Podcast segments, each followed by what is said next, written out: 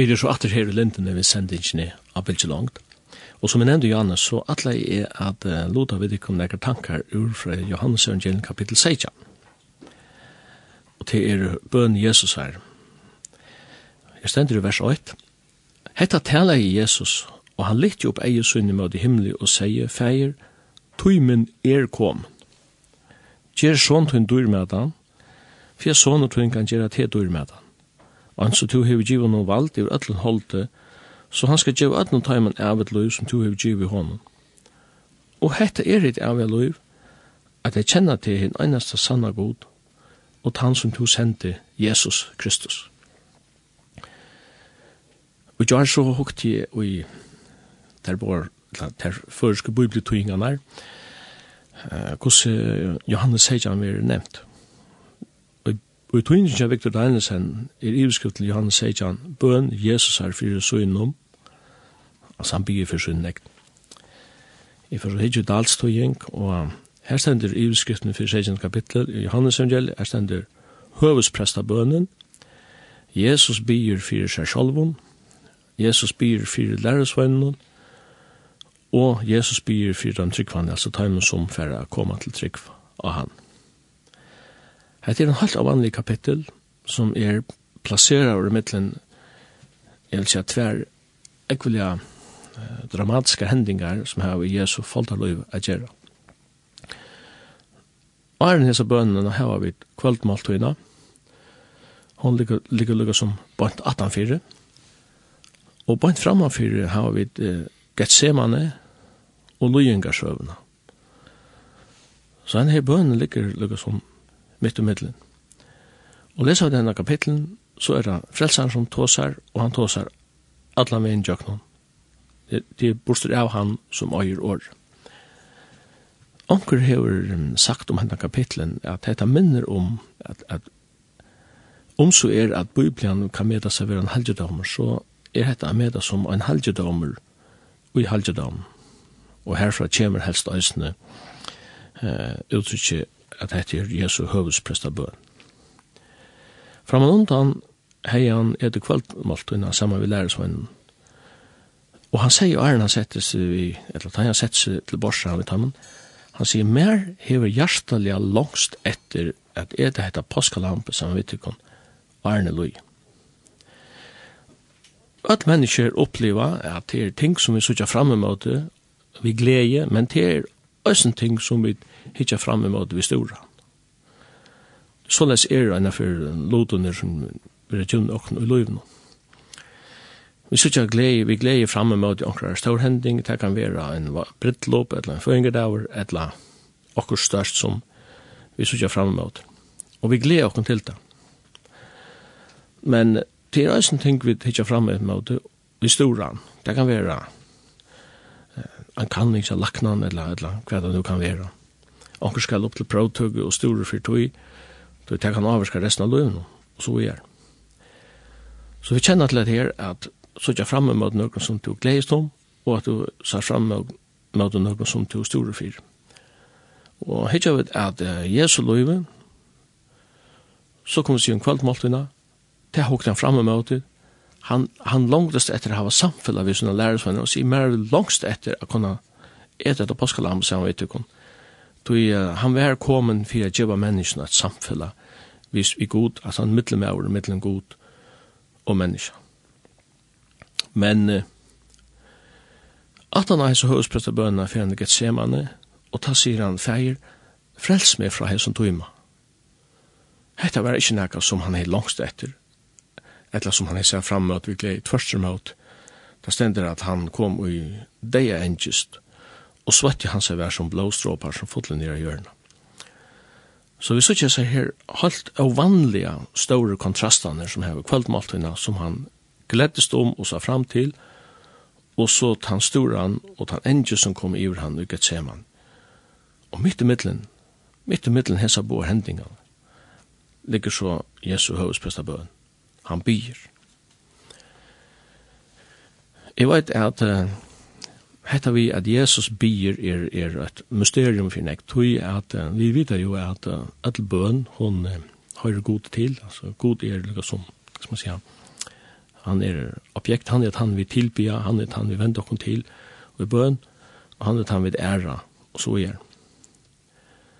Men uh, da Jesus byr, kunne så spyrja okkur, hvordan ber det til at han hever et bønarløy, og jo vi at han er, han, han inkarnerer i et eller Han er god åpenbærer i holdt.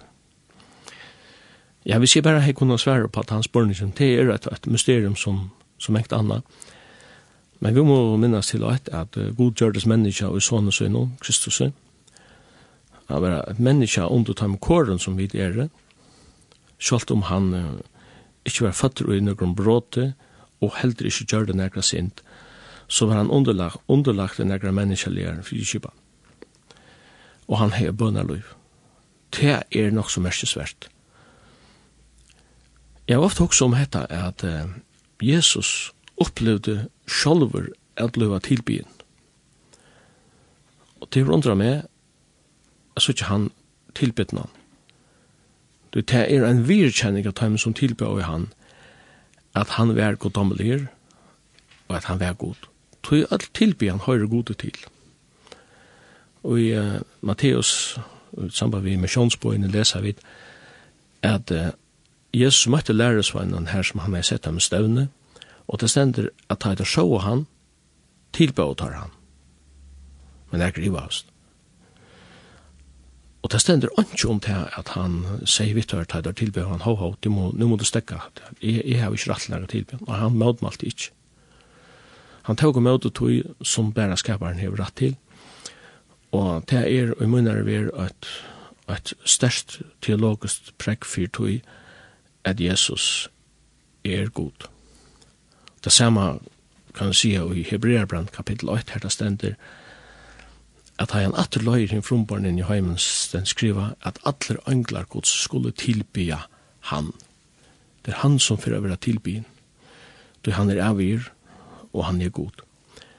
Men hva han er god, så er han nesten åpenberaver, og i halte, som menneska, og som menneska hei han et bønarløyv, og da han fyrir herfra, fra folden at atter til feiren, så helt han ikke pæta vera menneska, han hever et bønarløyv entan det og i det, Og Guds år sier at han lever for alt jeg bygger for oss. Så den høvespreste bønnen som vi leser om Johannes 16, det er ikke en bønn som er enda, men hun kvar vi er. Og her er en by i det, og i morgen, og i morgen, det og natt. Av Jesus er fyrt her og fyrt mer, som er hans her bønnen. Hetta var en parst av de tank tankene som jeg har, og jeg får komme sin til nær inn etter er om han er løte. Men og er det så får jeg vite at uh, Høyre Ulf Kristiansson, vi sannsyn var god er oss en veldig borg.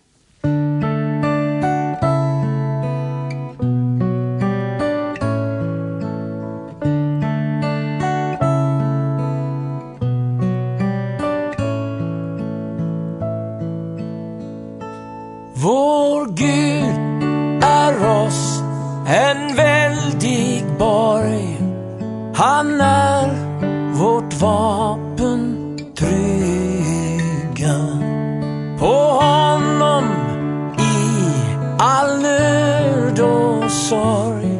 Vårt hopp vi nu vill bygga. Mörkrets första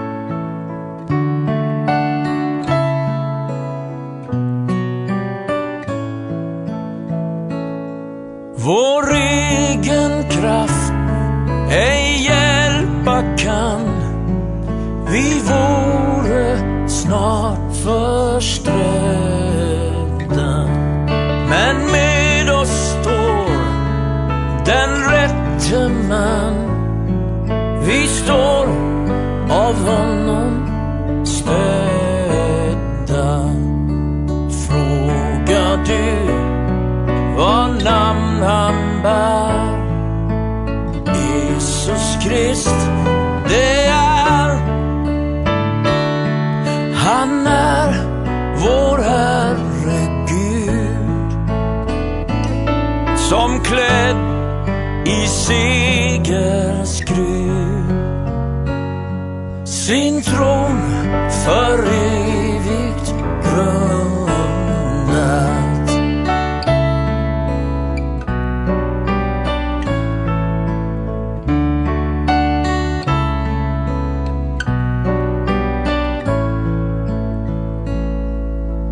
ord och löften skall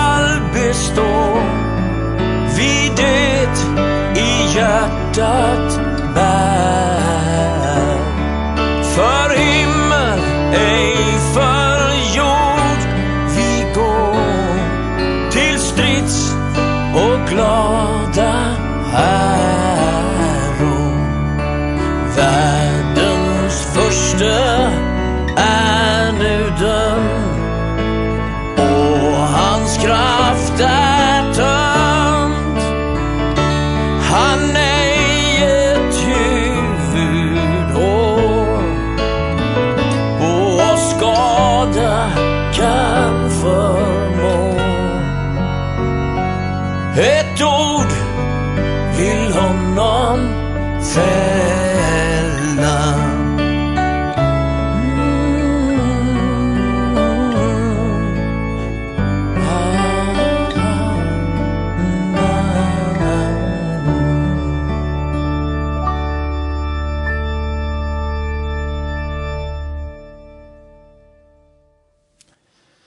så er vi atter her, og vi tar sier Johan, om Johannes Seidjan og Jan, om Jesu høvesprestabøen.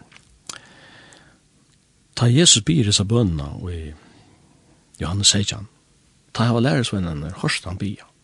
Og han, hva han hoksa og hva inntrykta gjør det, det han sudja vet ikke skriva om, men det kunne så vis bare uimenta okkom. Men jeg hoksa man er hending i samband vi bøn. Vi vet at at Jesus bær, han fer opp tulja fire der og fer borstund til øyenstø, og vi vet at han enda kunne bruke høyla nætter i bøen. Og en fyr, og han var savnet av samme lærersvennen, og det stender at han ber. Og da han var livet av bia, så søtte lærersvennen vi han, Herre, lær åkna bia. Så mennesker så, så samar vi da, ber vi da ofte vi ånd. Og vi tok så oss den hjem, hei, jeg klarer hatt å lukka vel, og Jeg er lukka vel hetta som han gjør det, og så er så er. Og det er pur almindelig at vi samarbeider okken vi andre mennesker, og kanskje andre samarbeider seg vi okken, så er det være pur naturlig. Men da Jesus ber, så er det halvt givet at lærersvennerne har eklet han, og da er det suttje han bia, kussi han bier, kussi innelig hans er bønnerløy er, så hendte det at det han samarbeider sutt bønaløy vi hans herre bønaløy, og så hadde han sikkert vi kjent ja, ja, men mitt bønaløy er sikkert av vanlige fatakt i forhold til det som hans er. Og så sier der vi han, herre, lær okna bia. Og så fyrir han undervisa dem om bøn, hva bøn er, ta seg om ikke, ikke at hekka uh, årene fafangt oppater og kvartet søgnen, og faktisk kan man si at han lærer der at, at uh, bøn er lukka som andre drottren i salene, til det innasta som du uttrykker, og så lærer han da øyne ut i samband med Bia, hans bøn, feir var, som er jo det mest kjenta skriftsteg som er i atler bøyden. Og jeg halte selv at det er nok så merkesvest, at man hikker etter bøn herrens, at det byrra vi hvor god er, og det enda vi hvor god er.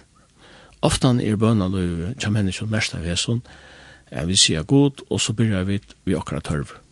Altså, jeg mangler hette, og jeg store fri hessen, og store fri hessen, og så vi er, så vi er. Men i bøn herrens, så tykker bøn utgangspunkt i hver god er, og det enda av tog. Ta menneskelig tørveren, og ta menneskelig neien, og Korsa Svinn, det ligger inn i mine, da han sier, djeva okkene, det er akkurat daglige brei, og fyrir djeva okkene, synder okkene, og så vi er. Og så enda da, du er tøytter rujtje, valgtje og høyren, matler over. Amen. Jeg halte at her lærer vi det synder om hva det er det viktigste vi bør til først og fremst er vi vender oss til god vekkene til som han er og ikke primært for det som han kan gjøre oss. Selv om det er han ryker for og nøye til mennesker og vil gjøre oss til som oss tørver. Det sender jo gos året at store ången fire, men let jo i øtlån til som du ikke kommer fram for god og bøn og akkadman vi tøkk, så skal frier god som styrer opp med alt vid, verva etter gjørstur og hoksan tikkara, og i Kristi Jesu. Men til er øysene av spurning om prioritering til det stendet, så er ikke først rujtje gods og rettvis hans herre. Altså først rujtje hans herre, så kan hans rettvis, så stendet vi er. Så skal alt hetta være givet til om omfram. Altså, det som to er bruk for, det som tær tørvar. Og Jesus sier det som fjallet han, at feiren veit at det kan tørvar alt hetta. Jeg sier i byrjanen at uh, Johannes Seidjan, høvespresta bøn Jesus er bort opp i trutja parstar, og Fyrst så byr han for seg sjálf. Og her må vi gjøre og pura grøyt at hvis han som er god åpenbærer over halte, er fullkomne i øynene og ætlån, og pura syndafrøyer, hvis han har bruk for forbøn, eller har bruk for å bia for seg sjálf, ja, så har to og jeg mengan for mer bruk for å bia for oss sjálf. Det er akkurat tørver man vil ha så mengan for større han blir ikke bare for seg selv, men han blir også for hans lærersvenn som stannar rundt om han, og høyre han. Og han blir om at uh, torskulære varvøtter fra Øtlund Etla, og han sier også at de tar er i uiheimen noen, men selv om det ikke er i avheimen noen, og det skal være beværeier og så går Og så kommer han uh, søgnast, men den tredje balkgrunnen fire, eh, for bønene, det er at i vers 20 stender, jeg blir ikke bare for hæsson, men eisen for taimen som vi åren tar å komme til trygg av med. Jeg leser det verset som at her byr han fire tog globale menighetene, eller til samkomme, altså ætlen taimen som vi åren færre å komme til trygg. Altså heter er på en måte en framtøyerbøen, for atler alle hansere samkomme av gjør, ætlum tøymen som færre at koma til trygg. Og det merker at ja, så ikke føringar og i 2021, altså, og det, er inkluderer jo hessa bønene fra Jesus. Og han sier, Jeg byr om at det alt skulle være øyt som to feir er stod i mer og det er ut her, at det også skulle være øyt i okken, for at heimene skal trykva at to har sendt meg dårdena som du har givet mer, har vi givet tøymen, for at det skulle være eit, som vi er i eit. Jeg og i tøymen og du i mer, for at det skulle være fullkommen til eit, så heimen kan sanna at du har sendt meg, og at du har elskat deg som du har elskat meg. Her kunne vi sætta spørningen, hva er det så som binder Guds folk saman? Sverre finner vi til. Han sier til dården. Dårdena som du har givet mer, har vi givet tøymen, for at det skulle være eit altså her som dårlig gods vil åpenbæra, her hender egen en sammensjøving av godsfølse. Og til østen her som vi da har brukt for vi det. Så dette hette bøn, dette er en aktuell bøn, vi kunne tillegge nok med henne, vi kunne gjøre hese bønene østen til okkara bøn, og vi tar var sikkert østen bruk for jeg sier ja, som lærer for henne søtte herren. Lær to okkona bia. Tog jeg det jeg tykker vi neivan at det finnes mennesker som er 100% nøgt vi sitt egna bønnerløy. Det kunne alltid være bedre. Så hadde jeg vært bra noen tankar ut fra Johannes Evangelien, 16. kapittel. Og jeg halte vi for halte fram vi Ulf Kristiansson og vi tenker om Svengen og hvor sjalet at forvandra. Musikk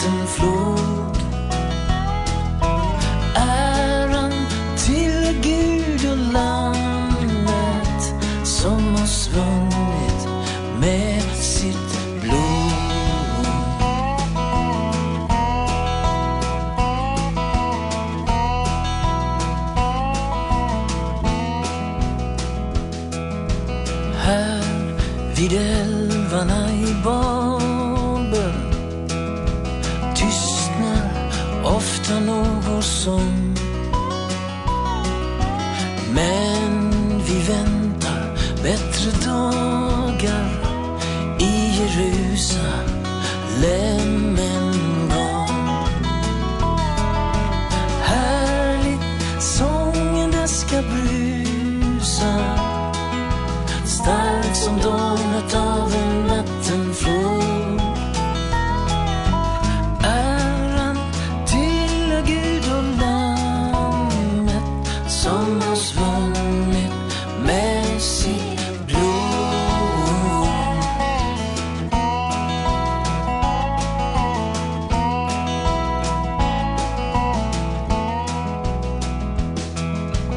Oh